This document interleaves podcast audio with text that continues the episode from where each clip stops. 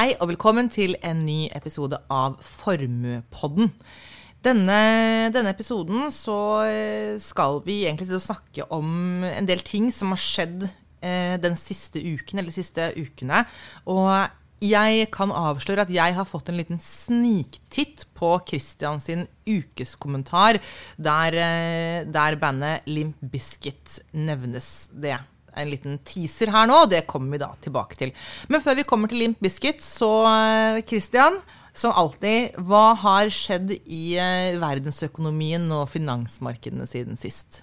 Ja, Det er ikke så rent lite. Eh, hvis vi bare tar en kort eh, oppsummering av status siden årsskiftet, sånn at man får litt sånn status på hvor vi er.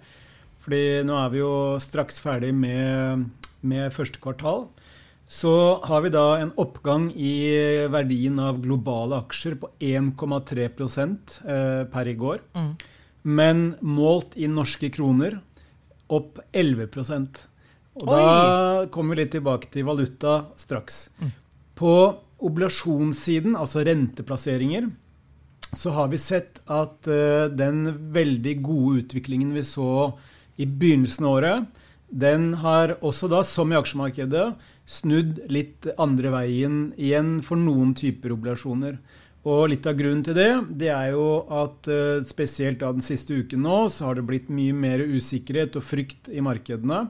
Og da stiger jo risikopåslagene, altså hvor mye ekstra avkastning krever investorene for å låne penger til ulike selskaper. Og da gir det svak utviklingstrend i f.eks. høyrenteoblasjoner, sånne high yield-obligasjoner som mange kjenner til. Men fordi at usikkerheten har steget, så har også rentene falt. Altså markedsrentene har falt. Og markedsrentene, det er jo der investorene tror at styringsrenten vil være frem i tid. Mm. Og fallende markedsrenter, det er da bra for statsobligasjoner. Så statsoblasjoner har gjort det relativt sett bedre enn kredittobligasjoner, som det heter, altså selskapsobligasjoner, spesielt da den siste uka. På valutasiden så har vi en nærmest historisk svak eh, norsk krone. Vi snakker altså nesten ti kroner mot, uh, mot uh, Unnskyld, den har svekket seg mm. med nesten 10% mot dollar så langt i år. Oi. Og 8,5% drøyt mot euro så langt i år. Og hvis vi ser på dette langt tilbake i tid, så er det egentlig bare under selve pandemien at krona var så svak mot dollar og euro som det den er nå. Hvorfor, eh, hvorfor er den så svak nå? Ja, det er flere drivkrefter for dette. Hvis jeg skal nevne to, så er det for det første at tidligere, altså helt siden ja, de siste 20 årene i prinsippet, så har Norge gjennomgående hatt litt høyere renter enn utlandet. Mm. Eh, men den rentedifferansen er nå spist opp. Og Det betyr at eh, utenlandske investorer de får ikke lenger noe høyere rente ved å plassere i norske rentekonti f.eks. Mm. enn det de gjør i Tyskland. Mm. Og Da svekkes krona delvis pga. denne rentedifferansen.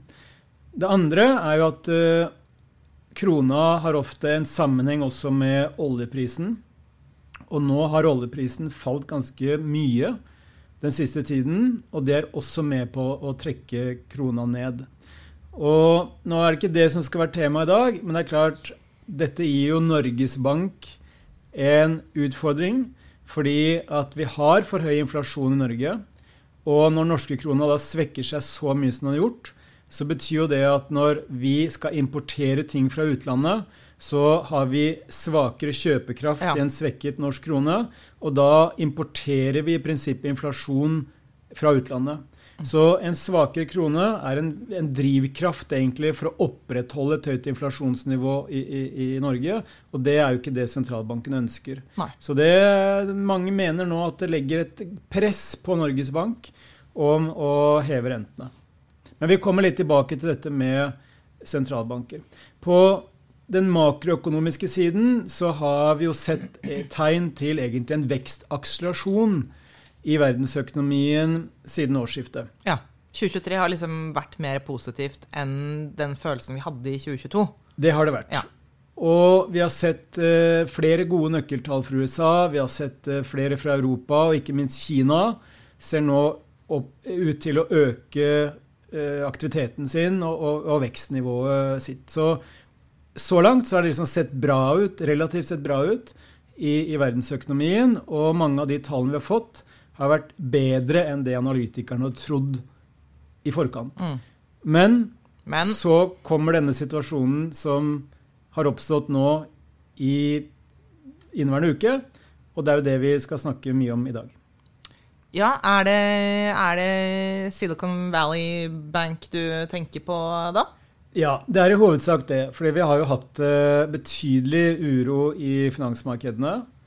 Med mye usikkerhet og frykt knyttet til banksektoren ja. spesielt. Og det er lett å tenke da, sånn for eh, oss litt, så, altså litt mer uinnvidde, å tenke Oi, eh, banker som eh, går åt skogen. Finanskrisen. Er, jeg tror det er flere enn meg som på en måte får flashbacks til det. Jeg tror ikke vi er helt der. Fordi, Men det er bra. Fordi hvis vi tar historien om Silicon Valley Bank først, da hva er det som egentlig har skjedd? Jo, dette er jo en bank som startet i 1983, og nå skal jeg ikke ta hvert år fremover. Vi skal, vi skal hoppe raskt frem til i dag. Men dette er en, en, bank som da etter hvert ble den 16. største banken i USA. Oi. Altså ikke av de største, en, men relativt bra størrelse. Og denne banken den holder jo da til i, på, på, vestkysten av USA og har hatt eh, veldig mange eh, teknologi Eh, oppstartsselskaper, life science-selskaper, som vi snakket om i forrige episode, på kundelisten. Og Det som har kjennetegnet denne banken, er jo at de har tatt imot da en, en stadig økende mengde innskudd fra disse innskyterne, disse kundene.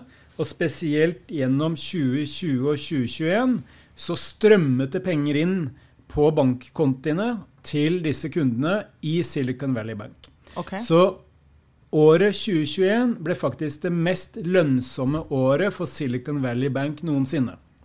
Fordi kundene plutselig hadde så mye Det var så mye cash som strømmet inn, og de fikk eh, billig finansiering. Og da, da hadde vi jo null rente, ikke sant? så de betalte jo ingenting for innskuddene sine. Mm. Og etter hvert så fikk de inn så mye penger at de klarte ikke å låne ut alt. Okay. Og det Silicon Valley Bank gjorde da, det var at de brukte mange milliarder dollar på å kjøpe amerikanske statsobligasjoner til en halv eller en 1% rente. Veldig lav rente. Men det som da skjedde i 2022, det var jo for det første at verdien av disse statsobligasjonene falt kraftig. Og vi så også at flere av disse teknologi-oppstartsselskapene de fikk litt større problemer med finansieringen og lønnsomheten sin, så de trakk da en del av disse innskuddene ut. Samtidig så hevet jo sentralbanken i USA styringsrenten ganske kraftig gjennom fjoråret. Mm. Og etter hvert så førte det til at når da disse bankene holdt innskuddsrentene lave, og man da i, i tillegg kunne få 4-5% rente i pengemarkedsfond, så begynte mange bedrifter og, og, kunder å flytte pengene ut av bankene, inkludert Silicon Valley Bank. Ja. Så det som da skjedde, det var at fordi at innskuddene bare fløt ut av Silicon Valley Bank, mm. og de i tillegg hadde disse underliggende tapene på obligasjonene sine, så så man at dette var et regnestykke som ikke gikk opp. For de, mm. måtte, de måtte selge da obligasjoner i markedet for å dekke det eh, bortfallet av bankinnskudd som, ja. som da skjedde. Men når Silicon Valley Bank da skulle refinansiere seg og hente inn nye penger, så var det ingen som var spesielt gira på det. Nei. Og da var egentlig kollapsen på sett og vis et faktum. Ja. Og dette er jo en, en, forretningsmodell som ikke er den tradisjonelle forretningsmodellen for, for banker, fordi de er jo mye mer utlånsorienterte enn at de nødvendigvis plasserer alle innskuddene i statsobligasjoner, og i tillegg da dropper å sikre seg på, mot at rentene stiger og disse obligasjonene faller i verdi. Det høres, Når du bare sier det sånn som det, så høres det da veldig rart ut. at uh, hvorfor, hvorfor, har de gjort sånn? Kunne de gjort noe annerledes? Burde de gjort noe annerledes? Etterpåklokskapens lys. ja, liksom... og, og, det som også er interessant, det er jo at verken regulative myndigheter, altså det amerikanske finanstilsynet, analytikere eller rev revisjonsselskapet til Silicon Valley Bank så egentlig noen problemer mm. før dette da skjedde forrige uke. Så, så det har gått fort? Det har gått veldig fort. Fordi på fredag alene, forrige fredag så For seks dager siden? Ja, så forsøkte kundene i Silicon Valley Bank, primært da bedrifter, å hente ut 42 milliarder dollar i bankinnskudd på én dag. Altså masse forskjellige kunder i denne banken men de har fått de panikk, panikk, da? Ja. De fikk mm. panikk. Og dumt. forskjellen fra det vi liksom har sett av såkalte bankruns tilbake i tid, hvor folk står i kø ikke sant, mm. utenfor banken eller minibanken for å få ut pengene sine, så gjør man jo nå alt på telefonen sin. Og da går det jo mye fortere. Ja. Så da snakker vi altså om 42 milliarder dollar som ble forsøkt innløst fra Silicon Valley Bank på én og samme dag. Og da er jo kollapsen et faktum. Så er det, ja, rett og slett. Så det er når du plutselig får den kjedereaksjonen og kollapsen blant kundene, og de da vil gjøre det de må gjøre, så går det rett og slett med bare et knips? Da går det ikke. Og så var det heller ingen som ville kjøpe denne banken, og da måtte myndighetene trå til med en redningspakke eh, for å sørge for at de kundene, de bedriftene hovedsakelig, som hadde da innskudd større enn et visst beløp, de ble også sikret selv om banken da gikk eh, nedenom og hjem. Mm. Fordi du har jo i utgangspunktet en innskuddsgaranti eh, under et hvitt beløp, og så har du da ikke sikret dine bankinnskudd over det beløpet igjen. Mm. Og det da amerikanske myndigheter gjorde, det var at alle innskudd er sikret. Så alle innskudd er sikret? Alle innskudd, uansett størrelse, ja. de faller da inn under det vi i Norge har, altså Statens banksikringsfond. Ja, nettopp. Mm. Så, så, de som har innskudd i banken, de tapte ikke penger. Men aksjonærer, obligasjonseiere, de taper penger. Og ledelsen fikk sparken. Ja. Så drastiske greier. Ja. Men, eh, men nå liksom, Og hva nå? Eh, bankaksjene, de, de faller. Eh, hvorfor faller de så hardt? Jo, fordi det har vært egentlig en sånn fryktbølge eh, som har rammet markedene. Eh, først så hadde vi jo en kryptobank som het Silvergate. Silvergate. Silvergate, Som måtte legge inn årene. Og så fikk vi da eh, Silicon Valley Bank. Og så Silvergate var først? Silvergate var først. Okay. Og så fikk vi i tillegg da Signature Bank i New York, som også var kryptoorientert, som også ble lagt ned. Og det som da skjedde denne uken her, det var jo at rett i kjølvannet av nyheten knyttet til Silicon Valley Bank, da, som var den største Kall det bankkollapsen i USA siden finanskrisen. Så kom det også nyheter om at uh, Credit Suisse den store sveitsiske banken med globale aktiviteter, også var i problemer. Fordi der hadde amerikanske finanstilsynet De hadde rett før Credit Suisse skulle legge fram sine regnskap, sagt at her er det noen muffins i tallene.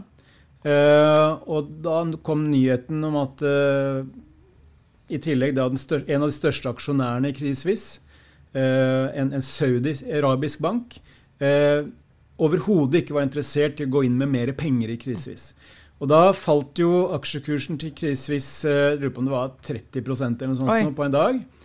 Uh, og aksjekursen falt til et rekordlavt uh, nivå. Og da begynte jo frykten for en mer sånn generell bankkrise å øke. Men det vi da ser i dag, torsdag, det er jo at uh, den sveitsiske sentralbanken har gått inn med en livreddende kredittlinje Eh, til, eh, til Credit Suisse. Mm. Og aksjen stiger da er det 20 eller 30 i, i øyeblikket. Så i utgangspunktet så har både sentralbanker, myndigheter, eh, tilsynsmyndigheter De har nå fått erfaring gjennom finanskrisen og gjennom den europeiske gjeldskrisen til å gi likviditetsstøtte til bankene veldig kjapt. Fordi man vet at hvis man ikke gjør det, så risikerer denne ballen å bare rulle eh, videre i veldig negativ forstand. Ja, fordi det jeg har lyst til, Når du nå først snakker om disse tre amerikanske bankene, og så kommer det også en sveitsisk bank, og så, som jeg da litt sånn naivt sitter utenfor og, og, tenker, er jo da hvorfor er dette ikke starten på en ny finanskrise? Du er jo litt inne på det, men uh... ja, det, det, altså, Vi kan jo aldri være helt sikre. Og i mitt hode så er jo sannsynligheten for en finanskrise med bankene i sentrum mye mindre nå enn det den var f.eks. før eh, 2007.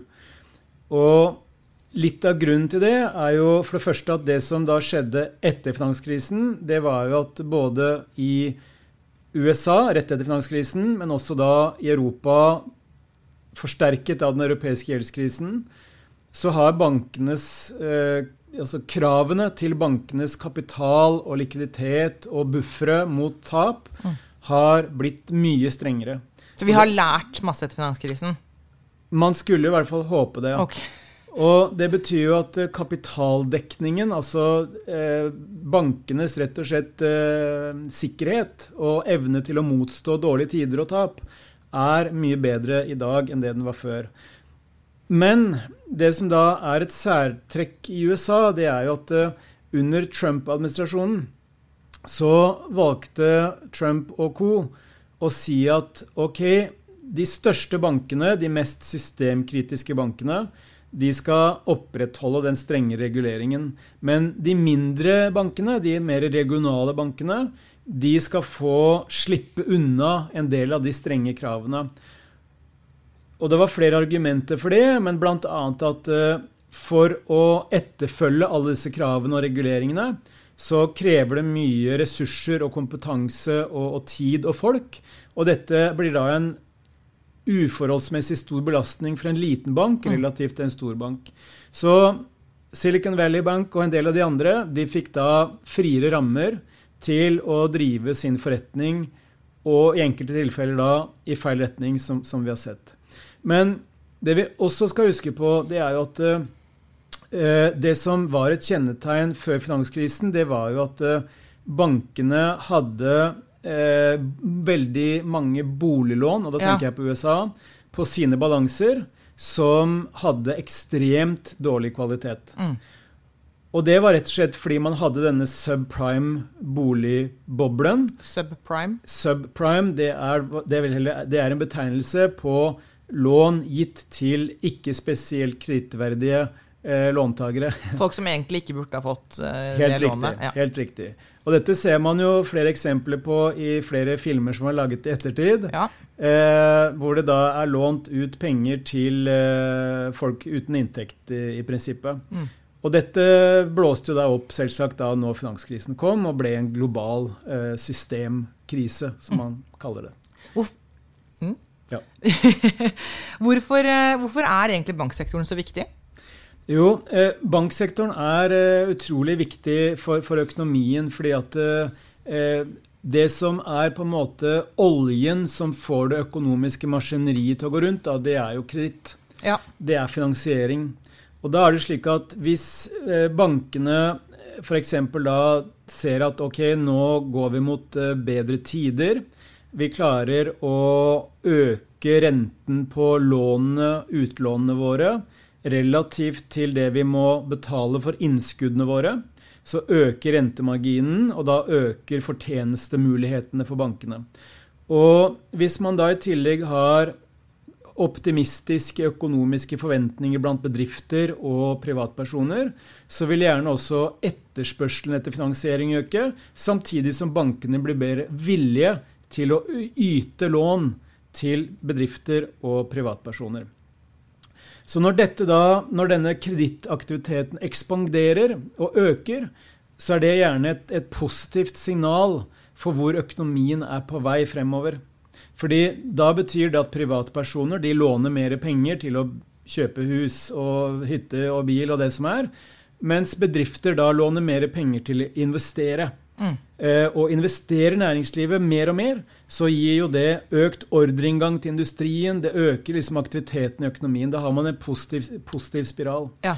Men den situasjonen vi har i, i dag, da, den er jo litt mer eh, utfordrende.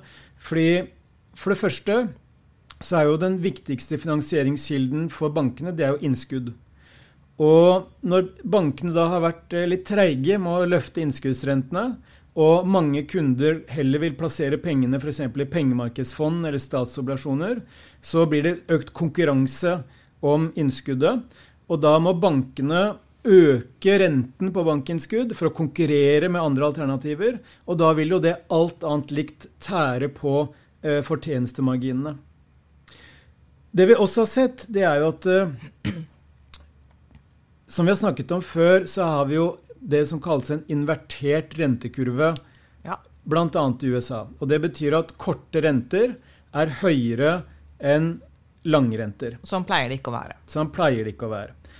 Og bankenes forretningsmodell handler jo da i stor grad om å låne inn penger i korte renter, Mm. f.eks. av bankinnskudd, og låne ut langt, eksempelvis gjennom boliglån. Mm. Og når da rentekurven er stigende, dvs. Si ikke invertert, Mm. og de korte rentene er lavere enn de lange, så betyr jo det at her er det en nesten gratis lunsj for bankene, fordi Ja. de kan låne inn til en lavere rente i den korte enden, og låne ut til en høyere rente i den lange enden. Men når da rentekurven er invertert, så blir jo det bildet motsatt. Ja. For de må betale relativt sett mye for kortsiktig finansiering, Mm. Sammenlignet med det de kan ta på lange utlån. Og det er da med på å svekke lønnsomheten ytterligere. Den situasjonen som har oppstått nå i markedene som har vært innom, med krisevis, eh, kursfall for banksektoren, eh, usikkerhet knyttet til om det er flere lik i skapet, tilsvarende Silicon Valley Bank, Mm. kan føre til at eh, bankene blir enda mer forsiktige.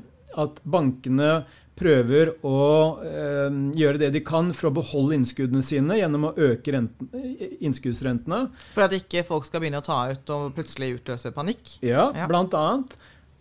Og i tillegg så ser vi at de renteøkningene som sentralbanken har gjennomført, de begynner nå å bite litt på evnen til privatpersoner betjene gjelden sin. Mm.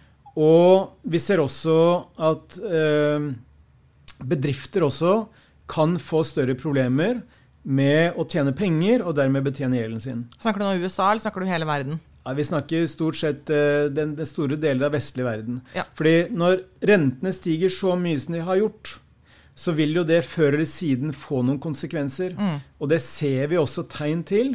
Annet i USA så stiger misligholdsratene på sånn som billån, forbrukslån, kredittkortgjeld osv. Og, så og det er en sånn canary in the coal mine, Ja. et tidlig varsel Mm. på at nå begynner mange å få litt mer problemer med å betjene eh, gjelda si. Og hvis den tendensen fortsetter, sentralbankene fortsetter å ha en høy rente eller til og med stramme inn mer, så vil bankene også kunne gå på tap på utlånene sine, fordi lånene blir rett og slett ikke betalt tilbake. Så alt dette her tyder jo på at banksektoren vil kunne bli kanskje enda mer forsiktig i sin risikotagning, altså i sin utlånsvillighet Mm. fremover. Ja. Og som jeg skriver i denne kommentaren min som kommer ut nå fredag, så ser vi at allerede, både i eurosonen og i USA, så har bankene strammet ganske kraftig inn i kredittpraksisen. Mm. Og helt konkret, i USA så er nivået på utlånspraksisen hos bankene mot næringslivet nå på et så stramt nivå som man egentlig bare har sett under resesjoner tidligere. Ja. Så på den positive siden så vil jo dette kunne bidra til at sentralbankene ikke skal heve rentene så mye som det de trodde for bare en uke siden. Ja, for det jeg lurer på er, hva, hva har alt dette her å si da for sentralbankene fremover? Det har skapt kjempestor usikkerhet. Men det som er gjengs oppfatning, og det som reflekteres i markedsprisingen, det er jo at eh, nå trenger ikke sentralbanken å heve rentene så mye. Og mens vi snakker her omtrent, så skal jo Den europeiske sentralbanken ta en beslutning. Og for bare en uke eller to siden så signaliserte de at eh, ok, det er veldig stor sannsynlighet for at vi skal heve styringsrenten med et halvt prosentpoeng. Mm. Også i USA så var Jerome Powell, sentralbanksjefen, ute for et par uker siden og kunne ikke utelukke at de også ville heve styringsrenten med et halvt prosentpoeng igjen, mm. fordi arbeidsmarkedet var så sterkt, inflasjonen er sticky osv. Men nå har markedene helt repriset forventningene, spesielt til hva som skal skje i USA. Fordi nå forventer man egentlig ganske kraftig rentekutt i USA gjennom andre halvår. Og i, eurosonen så forventer man da et, et rent, en renteøkning på 0,25% istedenfor 0,5% 0,25 prosentpoeng? Ja. ja. Men idet denne podden blir eh, lagt på lufta, så vet vi jo dette her, men det vet vi altså ikke mens vi sitter og snakker. Så nå fabler vi, og neste, neste podkast må vi da se på hva som faktisk eh, skjedde, da. Det kan vi gjøre. Men, ja. men poenget så, altså det som kan være til dels positivt av det her, da, det er jo at rentetoppen nærmer seg. Fordi når vi får uro i finansmarkedene, vi får uro knyttet til banksektoren, bankene blir mer forsiktige, kredittaktiviteten kanskje trekker seg enda mer inn, så vil jo det være med på å trekke inflasjonen ned. Ja. Det er jo veldig disinflationary, som vi sier på Hamar. Ja, nettopp. Og da gjør jo de Altså denne situasjonen har egentlig gjort litt av den jobben som sentralbankene skulle ha gjort. Mm. Og det legger litt mindre press på sentralbankene om å heve rentene mer. Så hva, hva, mer betyr det for økonomien fremover, annet enn at det vil eh, føre til eh, disinflasjon, eh, for, for, å oversette dine hamarsk til godt norsk? Eh, der, der, strides det jo Det de, de, lærde strides i veldig stor grad. Eh, jeg, jeg, har jo den oppfatning at når vi har hatt de kraftigste renteøkningene fra sentralbankene på 40 år, og vi vet at disse renteøkningene virker inn i økonomien med en forsinket effekt. Mm. Blant annet så er den forsinkelsen utløst av at 95% av amerikanske boliglånstagere de har fastrente. Og vi har vært gjennom et nullrenteregime der veldig mange bedrifter har lånt penger med stadig lengre løpetid. Mm. Og Det betyr jo at de renteøkningene som kom i 2022, de har egentlig ikke bitt noe særlig inn i den økonomiske aktiviteten ennå. Men jo lenger renten holdes høy, jo nærmere kommer vi det tidspunktet hvor renteøkningene begynner å bite litt ja. i økonomien. Ja.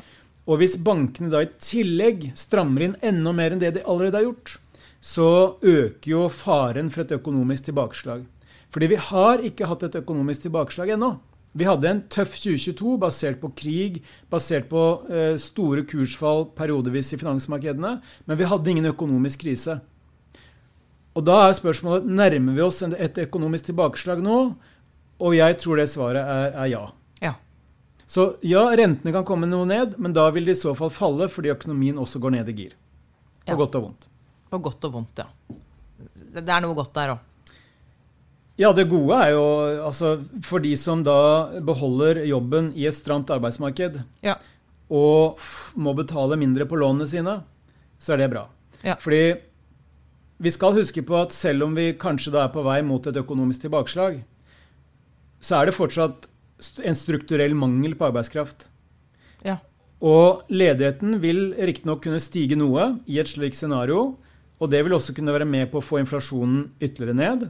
Men når man har denne mangelen på arbeidskraft, og den er der og den skyldes ikke bare kall det sykliske faktorer, men den skyldes strukturelle faktorer, sånn som vi har snakket om gjennom demografi, aldring osv., så,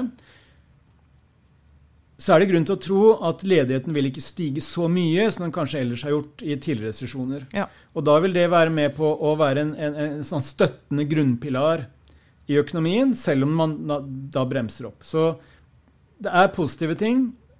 Og vi har ikke så mange ubalanser i økonomien som det vi hadde før IT-boblen sprakk, eller før finanskrisen. Ja.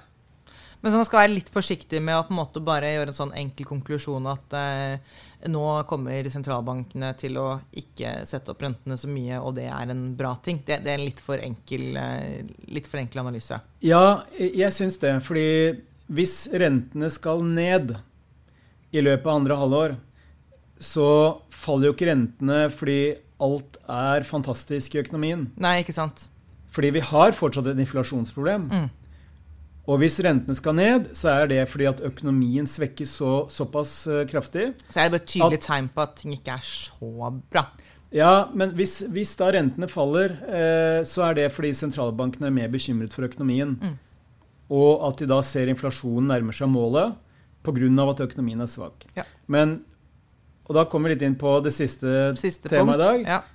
Som da er liksom Hva betyr dette for finansmarkedene? Ja. Fordi hvis vi ser på deler av finansmarkedene, så er jo de priset uh, veldig lavt. Altså banksektoren, f.eks er jo veldig i anførselstegn billig. Mm. Hvis man ser på prisingen av europeiske banker, amerikanske banker, så prises de til en såkalt prisbok på godt under én. Prisbok på godt under én? Ja. Vi har jo snakket om PE i ja. poden mange ganger. Det er jo pris per aksje delt på inntjening per aksje. Mens prisbok det er da pris per aksje delt på bokført egenkapital per aksje. Og det er en mer relevant måte å verdsette banker på. Så europeiske banker de har vært priset eh, veldig veldig lavt, kanskje på 0,6-0,7 av bokført egenkapital lenge. Mens amerikanske banker nå er priset under én eh, ganger bokført egenkapital. Men da kommer vi igjen på troen du har på at banksektoren skal klare seg og kunne øke inntjening fremover. Og der er det jo usikkerhet. Men det som har vært litt min hovedhypotese da, gjennom høsten 2022 og gjennom januar og februar, det er jo at finansmarkedene sånn generelt har hatt et relativt optimistisk eh, bilde av hvordan 2023 kommer til å utvikle seg. Ja. Fordi man har egentlig ikke priset inn noe spesielt høy fare for resesjon. Uh, og man har heller ikke priset inn noe spesielt høy fare for at selskapsinntjeningen skal bli vesentlig dårligere enn det, enn det den ser ut til å uh, Eller enn det analytikerne forventer. Og man har heller ikke priset inn noe spesielt stor sannsynlighet for at de som har tatt opp lån i næringslivet, ikke vil klare å betjene dem. Så det vi kan se fremover, det er jo at markedet kanskje må ta inn over seg at vi går inn i en svakere økonomisk periode eh, med større usikkerhet. Og det kan føre til at eh, kursene ikke per i dag reflekterer det som er et mer realistisk scenario. Mm. Men dette er det jo veldig delte meninger om. Noen mener jo at markedet er priset riktig. Ja. Mens andre mener at det da er fortsatt litt for dyrt. Ja. Uh, og jeg faller nok litt mer i, inn i den sistnevnte campen. Men igjen, ingen som har spåkule. Jeg vet heller ikke hva som kommer til å skje.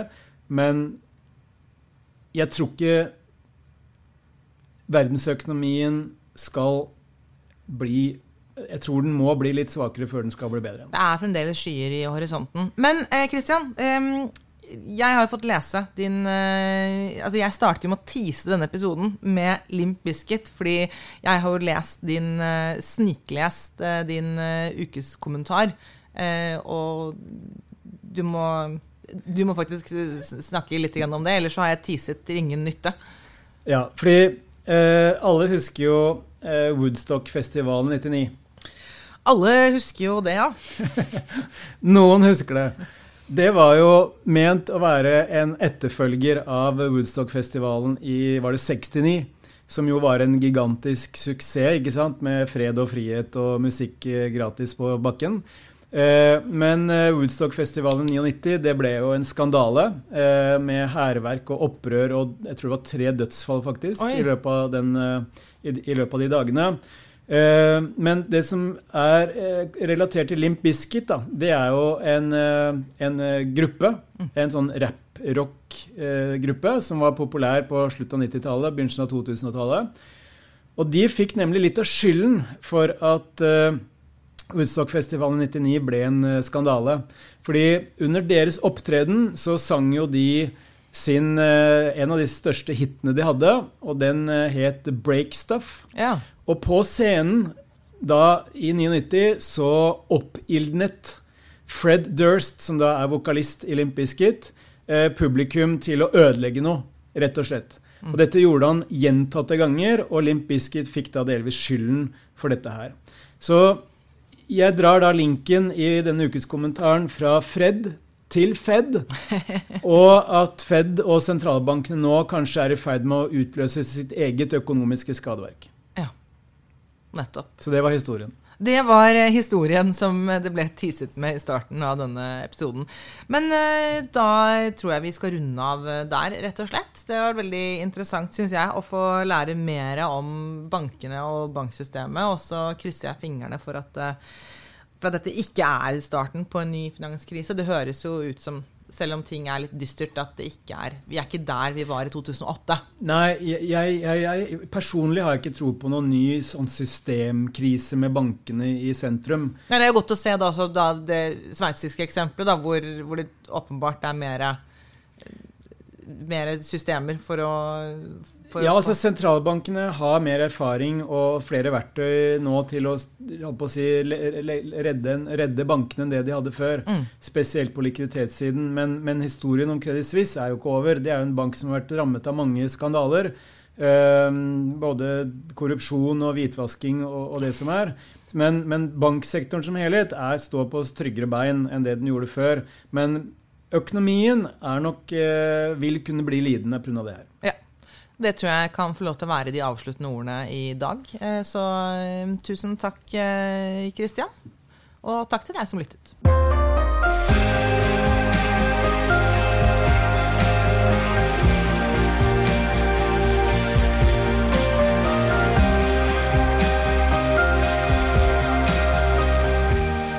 Du har hørt på Formuepodden, en podkast fra Formue.